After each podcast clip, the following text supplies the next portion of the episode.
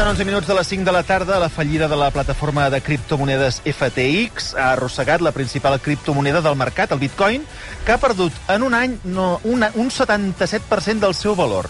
Segons el Bank of America, aquest és el cinquè major col·lapse financer de tots els temps. Ara fa un any, un bitcoin valia 69.000 dòlars, mentre que ara es cotitza per sobre dels 16.500 dòlars. Què està passant amb el sector de les criptomonedes? Això ens ho explicarà el Xavier Sala i Martín, catedràtic d'Economia de la Universitat de Colòmbia. Xavier, bona tarda. Hola, molt bona tarda. Bona tarda. Moltes ganes de sentir-te parlar de criptomonedes. Ah, Que- sí? Sí, sí, sí, perquè ho fas amb una visió, jo diria, molt clara, i no sé si molt, molt crítica, però simplificant-ho molt, tu des del principi no ho has vist molt clar. No. A veure, el...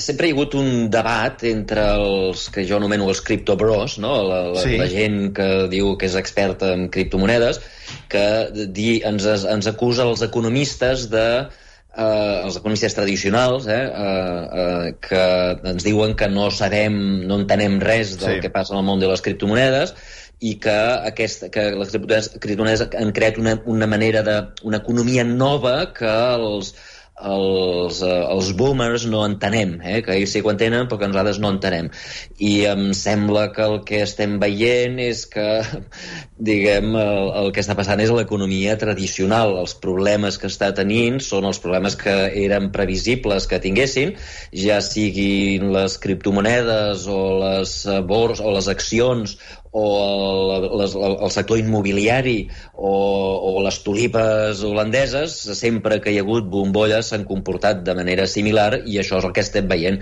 que no, és, no era una cosa nova, sinó que era més del que ha passat al llarg de la història. Te les has tingut amb, amb, amb gent eh, a través de Twitter, que jo he anat seguint aquestes baralles dialèctiques, eh, amb persones que...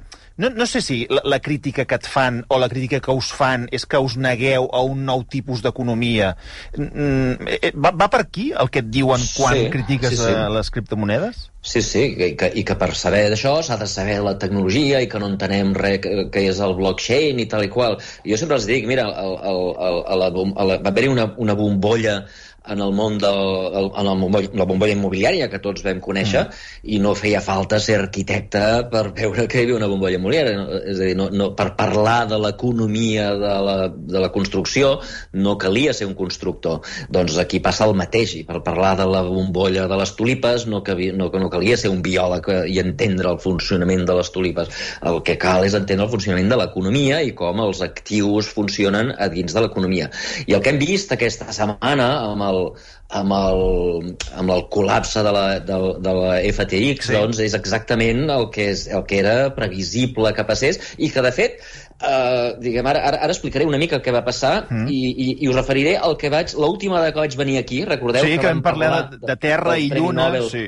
Dels Premi Nobel i de com els pànics bancaris podien, eh, diguem, podien arruïnar un banc encara que estigués en perfecte estat de salut, Mm. doncs eh, el que ha passat és una mica això. Eh? Eh, D'entrada, eh, FTX és, diguem, en principi, és un mercat a on es compren criptomonedes. Eh? És com la borsa. D'acord. Eh, a la borsa de Nova York es compren accions de les empreses, no? de Ford, de, de, de totes les empreses de veritat. Eh, a la borsa de Barcelona es compren accions de Parlem i d'altres companyies eh, catalanes. Doncs tu és un lloc on es compra i es ven. Clar, el, el món cripto, eh, les coses que es compren i es venen no són físiques, eh? no, no, no te les pots emportar a casa perquè són, són coses digitals i aleshores una cosa addicional que tenia aquesta borsa, l'FTX, era que eh, la gent que venia, venia amb dòlars, no? vas amb els teus dòlars, compres eh, criptomonedes, compres bitcoins i llavors ells te'ls guarden, eh? els guarden en, en un calaix. Com un moneder. Com un moneder, sí. Llavors, clar, tu, eh, eh, en principi, el negoci de la borsa no té risc. Eh? Pot fer fallida fort, però no el New York Stock Exchange. Eh? Mm. Eh, el, perquè, diguem, l'únic que fa és, és eh, doncs, que quan algú vol comprar, doncs porta dòlars, eh, facilita l'intercanvi, facilita la persona que vol vendre... Un la intermediari. Que ven, Exacte, i llavors s'intercanvien coses i, bé, i tu cobres una comissió i tu guanyes calés a través d'això. Eh? En principi no és un problema, no, no és un negoci arriscat. El que passa és que com que és un negoci que no està massa regulat, el que fan aquesta gent és diu, mira, aquests, aquests bitcoins o aquestes monedes que tenim aquí guardades, Um, clar, uh, quina és la probabilitat de que tothom vingui a l'hora a recuperar-les? I diuen és molt petita. Això és el mateix que dèiem, recordeu, amb els bancs, eh? el senyor Marcelí sí. se'n recordarà que sí, parlàvem sí, sí, sí. De, del el nen de la Mary Poppins fa, fa 15 igual, dies. Igual. Eh, doncs eh, diu, escolta, eh, quina és la probabilitat de que vinguin tots alhora? Doncs és molt petita. Per tant, el que podem fer és agafar una part d'aquestes monedes i prestar-les a d'altra gent. Eh? De manera que jo ja no tinc aquestes monedes, el que, les monedes les té l'altra gent. I en particular, una de les coses que va fer, sense dir-ho, el, el, el senyor aquest, el Sant Bankman Fried, que a més el nom és, és una mica poètic, eh? Bankman Fried vol dir sí. banquer fregit. Fregit. Eh? Eh, és a dir, que és com ha quedat fregit el tio, el que, que, que feia, que, perquè feia de banquer. Eh? És a dir, agafava aquests calés sí. i els prestava. I els prestava amb una empresa que, curiosament, portava la seva nòvia, que es deia Carolina, que es diu Carolina Ellison, que és uh, un grup que es diu Alameda. Eh? Llavors agafa calés, els presta a d'altres empreses, aquestes empreses s'emporten el calés, per tant, tu ja no els tens, i com que tu ja no els tens, estàs subjecte en els pànics bancaris dels que parlàvem fa 15 dies dies. Eh? Mm. Si de sobte corre la veu de que tu no tens aquests calés, doncs vindrà tothom, uh, vindrà tothom a buscar els seus coins i resulta que tu no els tindràs. Eh? I com que tu no els tindràs, doncs eh, un cop se t'acabin els que tens, no podràs satisfer les teves necessitats, la gent s'emprenyarà i hauràs de tancar la barraca. Eh? I això és el que més o menys ha passat amb aquest, amb, amb aquest senyor. I per què va haver-hi aquest pànic? És a dir, per què de cop i volta li van anar a buscar els diners? A veure, doncs perquè ell, ell no va dir, eh? ningú no sabia què havia passat amb aquests calés, però va començar a córrer la veu de que uns 8.000 milions eh, de dòlars eh, amb actius doncs, havien estat prestats en aquesta companyia de la seva nòvia, bueno, d'ell, eh, companyia d'ell, però que portava la seva nòvia. Eh, I, i clar, com que no, no, hi ha, no hi ha transparència, doncs qualsevol rumor doncs, pot ser veritat o pot no ser veritat. Um, aleshores, aquí ve una mica, una, una mica de, de, de, de, de pel·lícula de Netflix, eh? Uh, perquè aquest noi, eh, el, el noi, el, el, el senyor el Freud... El senyor el Fregit, Freud, sí, el banquer Fregit. El banquer Fregit, doncs el que va fer, eh, diguem, tenia una nèmesi, eh, que és la seva competència. Aquest noi és, és un noi diguem, un pijo de Califòrnia. Eh? És fill de professors de, de, de dret de la Universitat de Stanford, un nen prodigi que havia treballat des de ben petit a Wall Street i que havia muntat la seva empresa, era un noi molt amable, era un noi que deia que tot el que feia no era egoista, sinó que ho feia per guanyar calés per repartir-ho entre els pobres, pobres. I efectivament el tio havia repartit milers de milions entre els pobres. Um, diguem, tenia una visió idealista i la gent, diguem, era, era un tio que durava. La seva nèmesi que és el cap d'un altre mercat, eh, una altra borsa que hi ha en el món de, la, de, de les criptomonedes, que es diu Binance, eh, que aquest és un, un xinès eh, que es diu Changpeng Zhao, que en, les, en, el, en els seus, a les seves xarxes socials eh, és conegut com un nom de raper, eh, el CZ, és, és el CZ, eh, que té una cara de dolent, eh, que té, té una, una pel·lícula d'aquestes on els xinos són els dolents, saps? Que, aquests que fan, eh, eh, que, que fan diguem, kung fu sí. i, i una cara... És, és tot el contrari d'ell, no? Una cara de dolent, un noi eh, obscur, un noi... L'empresa Binance ha estat prohibida a països raonablement civilitzats, com és el Regne Unit, no? No, no podeu operar perquè sou una empresa perillosa. Uh, per tant, és, és el el, el, el, la seva nèmesi, no només econòmica, el seu rival econòmic, perquè portava l'empresa rival, sinó que la seva nèmesi, diguem també social. Eh? Ell era el nen acceptat àmpliament, era el nen que es reunia amb senadors i congressistes per veure com es podia regular el mercat eh, de les criptomonedes. Eh, L'altre era un noi estranger, cara de dolent, que, que, que, que portava una empresa mm, obscura. És a dir, eh? com, com, a, com l'heroi i com el dolent de la pel·lícula pel·lícula, exacte, no? Exacte. I llavors no es descarta que el qui fes córrer els rumors de que l'empresa, diguem, havia prestat masses diners ah. i que, ah. per tant, no tenia les criptomonedes, eh, fos el dolent. Ah, fos el dolent. De fet, el dolent va jugar un paper important. Eh? No sé si és el que va començar el rumor, però sí que sabem, perquè ho va publicar a Twitter ell mateix, que és el que va dir, escolta'm, jo, eh, tots els, totes les monedes que jo tinc, que la meva empresa té eh, en l'empresa del Bank Friday, eh, que eren diversos milers de milions, eh, no era poc, doncs els trec immediatament. Eh? Ah. I això, eh, diguem, al cap de 24 hores, tothom va començar a treure, diu, ostres, si el... Això que si crea el una alerta, clar. Exacte, crea una alerta i pot ser que això fos el que comencés el pànic. Eh? Eh, després es, va resultar que efectivament havien prestat molts calés a l'empresa de la nòvia i que... I que, i que clar, i, o sigui, en aquest cas, el, que es va inventar. clar, o sigui, el pànic estava justificat. Exacte. Perquè aquests diners anaven circulant d'un lloc a l'altre. Exacte, o estava justificat, però el que va disparar eh, la primera bala va ser el, el, diguem, el, el dolent, no? El, el, el, no, el dolent, no, no és dolent, eh? però... Diguem, No, la competència, sí. Una, sí, que té una cara de dolent que a mi em fa una mica de por mirar-lo, no? uh, doncs bé, uh, dispara, i llavors uh, aquest senyor, el Sisi, el Ciseta, arriba i eh, fa danys al Salvador, eh? quan la, la bossa cau, tothom, la, la bossa cau, el, el, l'FTX comença a caure, eh, es produeix un pànic, eh, s'adonen que no tenen prou calés, efectivament, per pagar, per tornar a la gent que tenia dipositats els seus coins, i apareix l'Àngel Salvador, que és el CZ, i diu, tranquils, que jo compro a l'FTX i jo garantiré que tothom que té els calés eh, que té els calés, doncs, els recuperarà. Eh? I això calma els mercats durant un, unes hores. Eh? Estem parlant de, no, no sé, dimarts o dimecres de la setmana passada, eh? estem parlant de l'última setmana. I es crea, diguem, una, mica, una mica de pau Sí. durant unes hores. Però, eh, passades unes hores, diu, mira, sabeu què? Ens hem mirat els llibres de FTX i és un caos total, per tant, no el salvarem. Ostres, i, i, i això, Xavier, tu t'ho creus o va ser una maniobra per encara enfonsar Ah, més sí, la competència? Això no ho sé, si ser una cosa dissenyada, eh, si tu llegeixes ara la premsa especialitzada, hi ha de tot. Hi ha gent que diu que el, el, el, el ZAO, el CZ, anàvem, eh, diguem, intentava realment ajudar, els altres diuen que ara està tot planificat pel dolent, eh, hi ha de tot, eh, però això no treu el fet de fons de que, de que, de que, que, dir que la realitat és que FTX estava mal gestionada. Havien fet coses que no havien explicat, no havien dit que ells eren un banc que agafava els calés dels, dels dipositants i els prestava amb un banc tot, tot, diguem, tothom ho sap, eh? tu vas al Banc Sabadell, diposites els calés i tothom sap que el Banc Sabadell no agafa aquells calés i els guarda en un calaix, Mm. sinó que els agafa i els presta a la botiguera, els presta a, a, a gent que vol demanar hipoteques, Sí. etc etc. Però també tots sabem que el banc té garanties, les garanties que vam explicar precisament al darrer programa. Exacte. Recordeu? Sí, sí. Uh, per als Premis Nobel d'aquest any el que van dir, escolta'm, és s'han de crear mecanismes per evitar que això passi.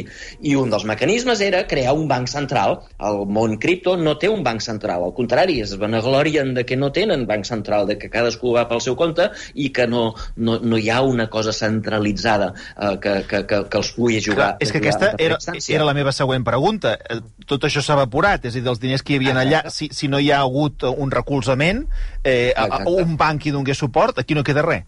No queda res, no queda res. Recorda les coses que va dir que, que, que fan els bancs per protegir-se d'aquestes coses, que és una cosa que passa a, a, a, diguem, al sector financer. Eh? No és una cosa especial dels cripto. Això, és- això és el que dèiem l'any... Nosaltres, que, la, la, la, la darrera que, va, que vaig venir, que vam parlar, que això sortia a la pel·lícula de Mary Poppins dels Sí, anys 50. sí, sí. Val? Uh, és a dir, una cosa normal en aquest món i que t'has de protegir davant d'aquesta cosa normal que són els pànics um, doncs la manera de protegir és crear un fons de garantia de dipòsits clar, aquesta gent no té fons de garantia de dipòsits no hi ha cap mena de regulació, de protecció no hi ha banc central i per tant Clar, és curiós eh, perquè ells precisament eh, es vanaglorien de que no n'hi hagi. Exacte, ells es van a glòria, tot i que, tot i que s'ha de dir que en aquest món de criptobros el que era més civilitzat en aquesta direcció era precisament el banquer fregit. Vaja. Eh, Era, era el, el, el, el, el, el, el noi aquest que ha fet que ha col·lapsat, no? Um, ell és el que intentava um, normalitzar el món cripto a base de que els senadors, i, i es reunia amb senadors, i de fet feia donacions a, a campanyes, a, a campanyes polítiques a, en els senadors i en els congressistes que es veien inclinats a posar una regulació per, per tal de regularitzar aquest sector que ara mateix està totalment no regulat i que, per tant, és, és perillós perquè està subjecte en aquest tipus de problemes que hi havia en el sector financer eh, abans, al, al segle XIX, quan encara no teníem aquestes regles protectores. I, i, i per tant, diguem, d'alguna manera, el que ha acabat passant és que l'esperança blanca del món cripto per esdevenir un sector normal s'ha mort. Eh? Perquè l'esperança blanca era aquest xaval Uh, I en veure que fins i tot la persona més civilitzada, no? el fill de professors de la Universitat de Stanford, un exemple de civilització, un noi que deia i que donava que deia que donaria i donava uh, milers de milions a la caritat, uh, fins i tot aquest tipus acaba uh, fent fallida, doncs el món criptó té problemes de veritat. I és per això que uh, el col·lapse s'ha escampat més enllà de FTX, eh, el pànic entrat en el sector cripto i, per exemple, el bitcoin, que no té res a veure amb tot això, en la darrera setmana ha perdut un 20%, malgrat que no té res a veure i malgrat que ja havia perdut un 60% de, des del principi des de, des del principi d'any, no?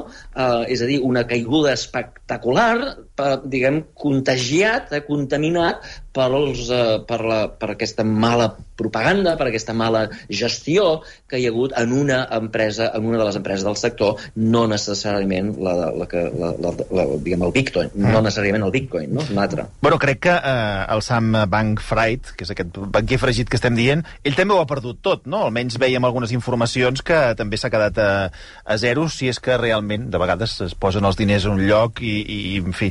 I tota aquesta gent, clar, ho pregunto des de... de, de en fi, és que aquest tema és increïble. O sigui, tu no pots anar a reclamar el lloc. No, no, els teus No, diners no. no, hi- són. No, No no hi ha res. Però algú, algú els té, no? Eh, bueno, eh, tu, tu, tu no, sí, desaparegut.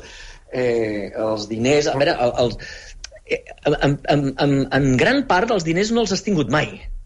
Eh? Eh, és a dir, quan tu tens un bitcoin que val un dòlar, doncs tens un dòlar. Si això puja a 56.000 o a 65.000 dòlars, doncs tu segueixes tenint un bitcoin i figura que tens eh, 65.000 dòlars.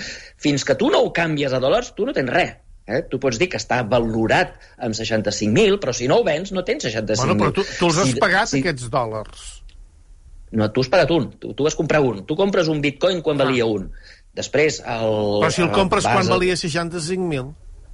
Bueno, doncs el mateix que passa amb una casa. Però tu vull dir, compres una casa ja, a però on- 200.000, la però casa van a baixa- parar? ba- baixa de preu i els als di- 100.000 doncs has perdut 100. Sí, ah, però aquests diners van a parar a algun lloc. No. No, no. Bueno, van a, parar, sí. Quan tu compres... Tu compres un valor i aquest Tu valor a la, a la s'espinya. persona que té, és el mateix que comprar una casa, senyor Marcelí. Mm. Vostè té 200.000 euros, compra una casa. Hi ha un senyor que té una casa i ara té 200.000 euros. Exacte, I- eh? però, i aquell senyor, però, però aleshores aquell senyor té els cèntims. Jo pregunto, si I tu vostè té la casa de 200.000. Vostè té una casa que valia 200.000. Conforme.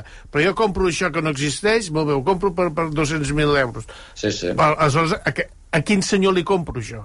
Vull dir, perquè hi ha un senyor que els té aquests 200.000 euros. No, hi ha un senyor que té una moneda que val 200.000 euros, vol dir. Mm, sí, exacte. Vostè, si, si vostè va cometre l'error de comprar cripto fa Sí, un any, sí. i va haver-hi gent que va comprar cripto fa un any perquè, diguem, sabem que hi va haver-hi un preu de 65.000 dòlars i aquests 65.000 dòlars va haver-hi algú que ho va pagar. Eh, per tant, hi ha algú en aquest món que va té un bitcoin que, li va, que el va obtenir a canvi de 65.000 dòlars. Mm. Què passa? Que aquell, aquell i, i el, el senyor que li va vendre doncs Mm. es va agafar els 65.000 dòlars i se'n va anar de viatge a les Bahamas contentíssim. Ah, eh? estupendo. Uh, uh, vostè té un bitcoin. Aquell bitcoin avui val 16.000. Ja, Eh? ja. Allò val 16.000. Uh, el senyor el, el, del 65.000 diguem, s'ha fotut una farra i un far de riure a costa de vostè uh, perquè vostè va comprar un bitcoin, va fa un any tenia un bitcoin, vostè segueix tenint un bitcoin, però si avui l'intenta vendre només li donaran 16.000, no els 65.000 que va pagar. Ja. Però això és exactament el mateix que passa si compra accions de Netflix, que també han baixat, o si compra accions de qualsevol empresa que han baixat, o si compra una casa, o si compra una bicicleta, que després també baixa, eh, baixa el preu. En el món de l'especulació, diguem, els preus pugen i els preus baixen. I aleshores, una de les coses que va passar és que aquest noi, el Sam Backman, Backman Fry, Sí. eh, doncs eh, va haver-hi un moment, fa un any concretament, que es, es calcula que si s'hagués venut tots els coins que tenia de, tot de totes les empreses que tenia, el valor de la seva fortuna era 26.000 milions. Clar, ell no s'ho va vendre. Ell mai va tenir 26 mili milions. Ell, el, el que tenia se li donava un valor fictici de 26.000 milions. Si avui dia venés tot el que té, doncs mm, gairebé no tindria res. Eh? I és possible que tingui valor negatiu perquè no se li han acabat els problemes, eh? perquè ara les autoritats aniran, miraran i veuran si hi ha hagut conductes delictives. És a dir, si alguna de les coses que ha fet, com és agafar diners d'aquesta empresa i prestar-li a la seva nòvia, si això era legal. Uh, està per veure com acaba la cosa, perquè és possible que, a banda de perdre-ho tot, hagi de compensar. És a dir, hagi de pagar multes i hagi de pagar compensacions a la gent a la que ha estafat. Uh, però això, diguem, serà el següent capítol. Eh? De moment, el que sabem segur és que el valor de tot el que té aquest senyor ja no és, no només no és 26.000 milions, 26 milions són molts calés, eh? Uh, diguem, seria, uh, diguem, comparable gairebé el que té Amancio Ortega, eh? Uh, que és el personatge més ric d'Espanya. Mm doncs eh, és, eh, és, eh, això ja no ho té. Eh? Ara ja té molt menys, no sabem quan, Eh? Segur que s'ha comprat, eh, sabem segur que s'ha comprat, per exemple, una mansió a les Bahames, eh, que això deu valdre uns quants millorets, però ja veurem si després de que el jutge el condemni eh, s'haurà de vendre fins i tot la casa i es quedarà sense res. Tu acceptes la comparació de que el que estem explicant seria com el, el Lehman Brothers de la criptoindústria? Aquesta fallida d'FTX? Sí, en part sí, perquè és una fallida d'una de les grans empreses, que a més és una de les empreses que no havia de fer fallida. Eh? Tothom diu no, que hi ha una bombolla en el bitcoin, hi ha una bombolla aquí, una bombolla... Aquests, en principi, no, no era, com he dit abans, no era un negoci perillós, no era especulació, eren els que permetien l'intercanvi. I, per tant, eh, en circumstàncies normals, eh, fan fallida les empreses que cotitzen a la teva borsa, però la borsa no fa fallida. Um, I, per tant, diguem, era un dels grans, però que figurava que era un dels segurs. Um, en caure, el que ha fet, ja ho hem vist, que ha contagiat en el reste del sector i ha fet que moltes, totes les criptomonedes hagin caigut de valor, diguem, novament, eh, addicionalment a la caiguda que ja portaven de, de, de, de, de tot l'any, eh, en una setmana. És a dir, ha caigut més el, el Bitcoin en aquesta darrera setmana que el, el, el, eh, el, el, el, el, el Dow Jones, no? per exemple, per dir una, una borsa, mm. amb tot l'any. Uh, per tant, ha sigut una caiguda espectacular. En aquest sentit, sí que és uh, semblant, perquè ha fet fallida una empresa uh, grossa i important. Ara bé, no és el mateix perquè el sector financer juga un paper molt important amb la resta de l'economia. El sector financer, els bancs, són els que permeten que els forners, els pastissers, les petites empreses eh, puguin operar, els que fa que eh, puguin obtenir màquines amb crèdit, el que fa que la gent pugui comprar cases. Per tant, el sector financer està al mig de l'economia i sense el sector financer correm el risc de que tota l'economia col·lapsi. Eh? Uh, el, sector, el, el sector cripto no és això. El sector cripto és una cosa marginal que fan servir especuladors, uh, uh, diguem, uh, um, um, diguem, traficants i, i, i gent que vol amagar les seves transaccions, eh, criminals de tot tipus. No és un sistema uh, ple d'especuladors de, de, eh, i, i, i, i tot això, però no, és, no està al centre de l'economia. Ningú fa servir bitcoins, eh? ni tan sols els països que han adoptat el bitcoin, eh? com el Salvador. Bueno, clar, és el que t'anava a preguntar. Eh, va, el Salvador el va adoptar i, a més a més, va invertir part de les finances públiques en aquesta criptomoneda, i ara què? Eh, doncs mira, ha perdut també el, el senyor Buqueque aquest, el, el president que figurava que era el més moderno de tots els presidents, perquè era el, el que tenia la, la visió, eh, el que entenia el que no enteníem els, els, els boomers, que no entenem res del que passa el món de les criptomonedes, ell, que és molt jove, doncs va, havia entès el negoci del futur i va agafar i va invertir, no sabem quan, no se sap quan, però bastants milers de milions en, en bitcoins, va adoptar el bitcoin, el bitcoin com a moneda ha estat un fracàs, tu vas avui dia a Salvador i la gent no fa servir bitcoins, eh? la gent segueix fent servir la moneda oficial, la moneda eh, antiga, que és el dòlar, i, i, i per tant no, no, no, no s'ha convertit en la moneda del país, però el que sí sabem és que tot el que ell va comprar, perquè més o menys quan ho va anunciar el bitcoin doncs estava això, a, a 45-50 mil dòlars la, la, la tirada, doncs eh, tot això que va comprar a 40.000, 50.000, no sabem quan, doncs avui val 16.000. I, I tot això són calés que ha perdut el país, són calés que podien haver fet servir fa un any per fer, jo què sé, obres públiques o escoles o, o hospitals o el que fos, doncs en lloc de fer això va comprar criptomonedes, doncs ara podrà fer eh, 60% menys d'escoles, d'hospitals o del que sigui. No? Per tant, de la mateixa manera que tots els especuladors que tenien bitcoins van perdre una muntanya de calés, doncs el, el, el país també ha perdut eh, eh, una muntanya de calés, la mateixa muntanya. De crisi en crisi, ara parlem de la crisi de les tecnològiques, que està provocant acomiadaments massius a diverses companyies. L'últim en anunciar-ho ha estat Amazon, que farà fora 10.000 treballadors. Recordem també que Elon Musk va acomiadar la meitat de la plantilla de Twitter i que Mark Zuckerberg va fer fora 11.000 empleats de Meta. Mm, què, què està passant en aquest sector? També estem parlant d'una bombolla que ha esclatat? Com és possible. Una bombolla sí, sí. laboral? És bueno, una bombolla laboral que ve del fet de que totes aquestes empreses, igual que el Bitcoin, han baixat de preu. Eh? eh? Si tu mires la cotització de totes aquestes empreses que has mencionat, i no has mencionat Netflix o qualsevol mm. de les altres, que també els hi ha passat una, una mica el mateix, um, uh, el, el sector en el seu conjunt ha baixat de preu, uh, diguem, el Nasdaq, que seria la, la, el resum de tots, ha baixat eh, no de la mateixa manera que les criptomonedes, però també ha baixat, i jo diria que hi han dos factors que, que ho expliquen. Un és un factor general que passa amb tots, eh, en totes les empreses, i després hi ha casos particulars de què passa amb cada una de les empreses. El factor general és que els tipus d'interès han pujat. Eh? Eh, quan pugen els tipus d'interès, eh, les empreses que ara mateix tenen pocs dividends però que s'espera que tinguin molt en el futur, Uh, és, és, és a dir, les empreses que s'anomenen empreses de creixement, entre les quals hi ha la major part de les tecnològiques, sí. uh, doncs pateixen més, eh, perquè eh, diguem, els, els beneficis futurs s'han de descomptar. Si els tipus d'interès són zero, doncs el descompte és petit. Si els tipus d'interès són grans, el descompte és gran. I, per tant, els beneficis futurs valen molt menys en relació als beneficis presents. Per això les empreses tradicionals han baixat molt menys que les tecnològiques en aquest context.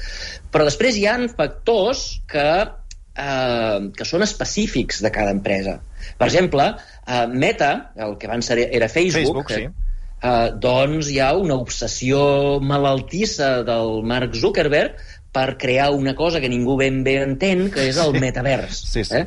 No sabem si hi haurà unes ulleres màgiques que et permetran entrar en universos desconeguts, com es monetitzarà això, com la gent comprarà les ulleres, tenen una subscripció, eh, què hi haurà en aquest metavers que, et farà que, que ens farà ser més feliços que no pas mirar la tele o, o jugar a futbol. No sabem ben bé què és, però ell segueix dilapidant eh, desenes de milers de milions de dòlars i això els inversors ho troben perillós i li estan dient, escolta'm, tio, eh, dedica't a el que tu saps fer, que són les xarxes socials, i en lloc d'especular amb coses raríssimes que ningú ben bé acaba d'entendre i que ens costa un ull de la cara. Uh, per tant, la, la caiguda de, de, de Meta uh, o de Facebook i, diguem, té a veure amb el que dèiem abans, tipus d'interès, però també amb aquesta obsessió malaltissa que ningú entén de Zuckerberg. Twitter té un altre problema, que és l'excentricitat del senyor Musk. Yeah. Uh, ningú sap ben bé cap on va, no? Un dia ens diu que ens cobrarà uh, per fer servir Twitter, uh, un altre dia diu que no cobrarà, que posarà un ocellet mm, gris al sí. costat de l'ocellet blau, un altre dia diu que serà publicitat, que seguirà amb la publicitat, un altre dia diu que no, que no hi haurà regulació de, de continguts, després dirà que sí, després diu que no, no se sancionarà ningú com el Trump, diguin el que diguin, després diu no se sap ben bé què passa, ningú sap ben bé cap on va, ningú sap ben bé per què ha comprat, no? Exactament, aquest negoci com, com interactua amb els seus negocis, no? Aquest senyor és un, té, té negocis de cotxes elèctrics, té negocis de, de coets que, posen, que porten satèl·lits a l'espai, eh, com Twitter, eh, diguem, com es fica Twitter enmig d'aquests negocis que ja té, com, co co com es com coordina, com es combina, ningú sap ben bé. Tothom pensa que ha sigut una, una excentricitat de bilionari, no? un tio ric que diu ara em compraria una xarxa social encara que em costi un ull de la cara. De fet, eh, hi ha, hi ha informació que diu que es va penedir de seguida després de fer l'oferta perquè va intentar fer-se enrere, eh, tot i que els jutges al final el van obligar a comprar eh, quan ell ja no volia. Eh, I per tant, com que no sap ben bé ningú cap on va, doncs les empreses que fins ara són les que alimenten aquest sector, que són les, les empreses de publicitat, s'estan fent enrere estan dient, ostres, no sé si jo, l'empresa publicitària li diu en el, jo què sé, en el Corte Inglés o a, o a Microsoft o l'empresa que paga per la publicitat, a Audi, li diu, escolta, al tanto, no, no us fiqueu a Twitter perquè ara, ara mateix és perillós. Esperem, aviam què passa, i clar, això fa sí. que perdi una quantitat d'ingressos brutal cada dia més i per tant ningú sap ben bé què passa. Això no té res a veure amb el que està passant a Meta o el que està passant amb Amazon o Netflix, que també estan baixant. En el cas de Twitter és una... És una eh, o sigui, no, no es creuen la gestió o no veuen clara la gestió, aquest és el Exacte. problema no creuen la gestió, veuen que és un tio que no entén del sector. Tothom en el sector, no, no cal ser del sector, només cal ser, eh, diguem, mirar l'experiència pròpia, introspecció. Uh, és molt difícil, totes les empreses d'aquest sector troben molt difícil cobrar per una cosa que fins ara ha estat gratis. Yeah tots nosaltres, dius, escolta, si ara, fins ara ha estat gratis, jo no vull pagar. Per tant, no sabem si el tio aquest ens fa pagar ara 8 eh, dòlars al mes, eh, que no sabem si ho aconseguirà o no, perquè no sabem si es fa enrere, ara, ara diu que es fa enrere, després diu que no es fa enrere, però si ho fa, eh, perdrà una quantitat enorme de clients. Uh -huh una quantitat enorme, tothom ho sap, que mireu què feu vosaltres, no?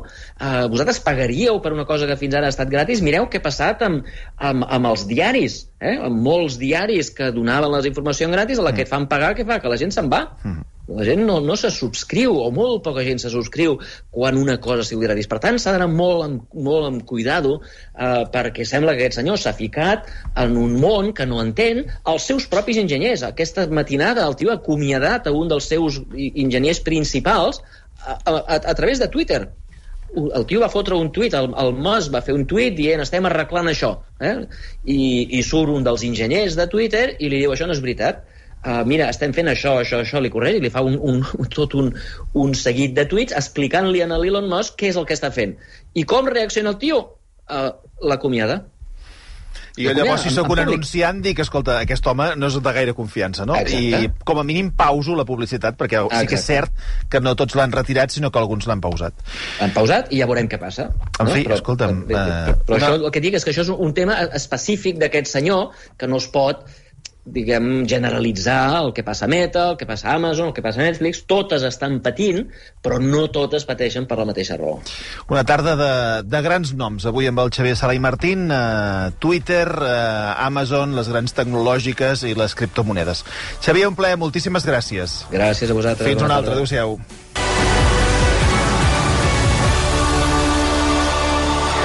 Versió RAC 1